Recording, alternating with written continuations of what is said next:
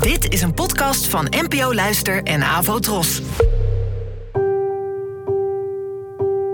Poëzie vandaag. Met Ellen Dekwits.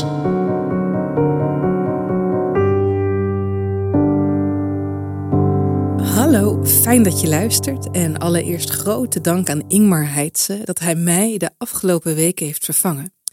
Vanaf vandaag mag u het weer met mij doen. Mijn naam is Ellen Dekwits en het gedicht van vandaag heet Klaagzang en werd geschreven door de Amerikaanse dichter Jaswinder Bolina, geboren in 1978 en het werd vertaald door mij. Klaagzang. Onder de zon vervelt de verbrande schouder. De meeste mensen geloven dat dit de trage genezing van het lichaam is. De meeste mensen geloven in de brave dooier van de ziel. Ik geloof in autopsiejargon. Door natuurlijke oorzaken zou moeten worden vervangen door ten gevolge van langdurige blootstelling aan de duistere, onophoudelijke straling van de morgenster.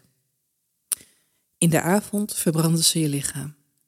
Ik loop de tuin in en creëer een kromme lijn aan vogelbadjes om de stenen mee over te steken. Tot een klokkentoren zijn acht argumenten tegen het daglicht sluit en de horizon oplicht, haveloos en ongewijzigd als een gedicht dat op zijn zij ligt. In de avond verbranden ze je lichaam. Ik denk dat ik de woonkamer in zal lopen om dan door jou te worden begroet, of door iemand die jou zou kunnen spelen in een film. De gordijnen vormen een morgenrood van stoffelijke omvang. Jij bestaat niet.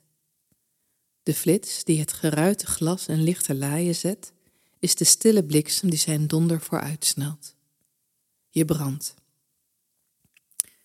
Dit gedicht heet Klaagzang en het begint met de mededeling dat een verbrande en vervellende huid door sommigen misschien een vorm van trage genezing kan worden genoemd, maar de ik-figuur ziet het hier toch anders. Die prefereert het academischer, wat afstandelijker taalgebruik van bij een autopsie. Gaandeweg kom je erachter waarom. Er is iemand gestorven, iemand die wordt verbrand, gecremeerd. De ik verwacht deze persoon weer te zien in de woonkamer, of iemand die op hem of haar lijkt, en langzamerhand daagt het besef dat hij of zij niet meer bestaat. Dit besef wordt voorafgegaan door het beeld van de gordijnen waaronder een morgenrood zichtbaar wordt.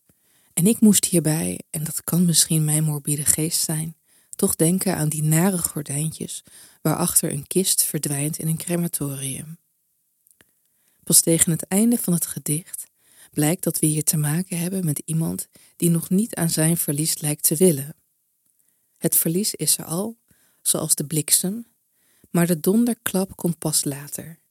En daarmee eindigt dit gedicht ook. Iemand is onomstotelijk weg. Hoeveel jargon of woorden er ook tegenaan worden gegooid. Dat feit is onomkeerbaar. Bedankt voor het luisteren en tot de volgende keer. Afro Tros, de omroep voor ons.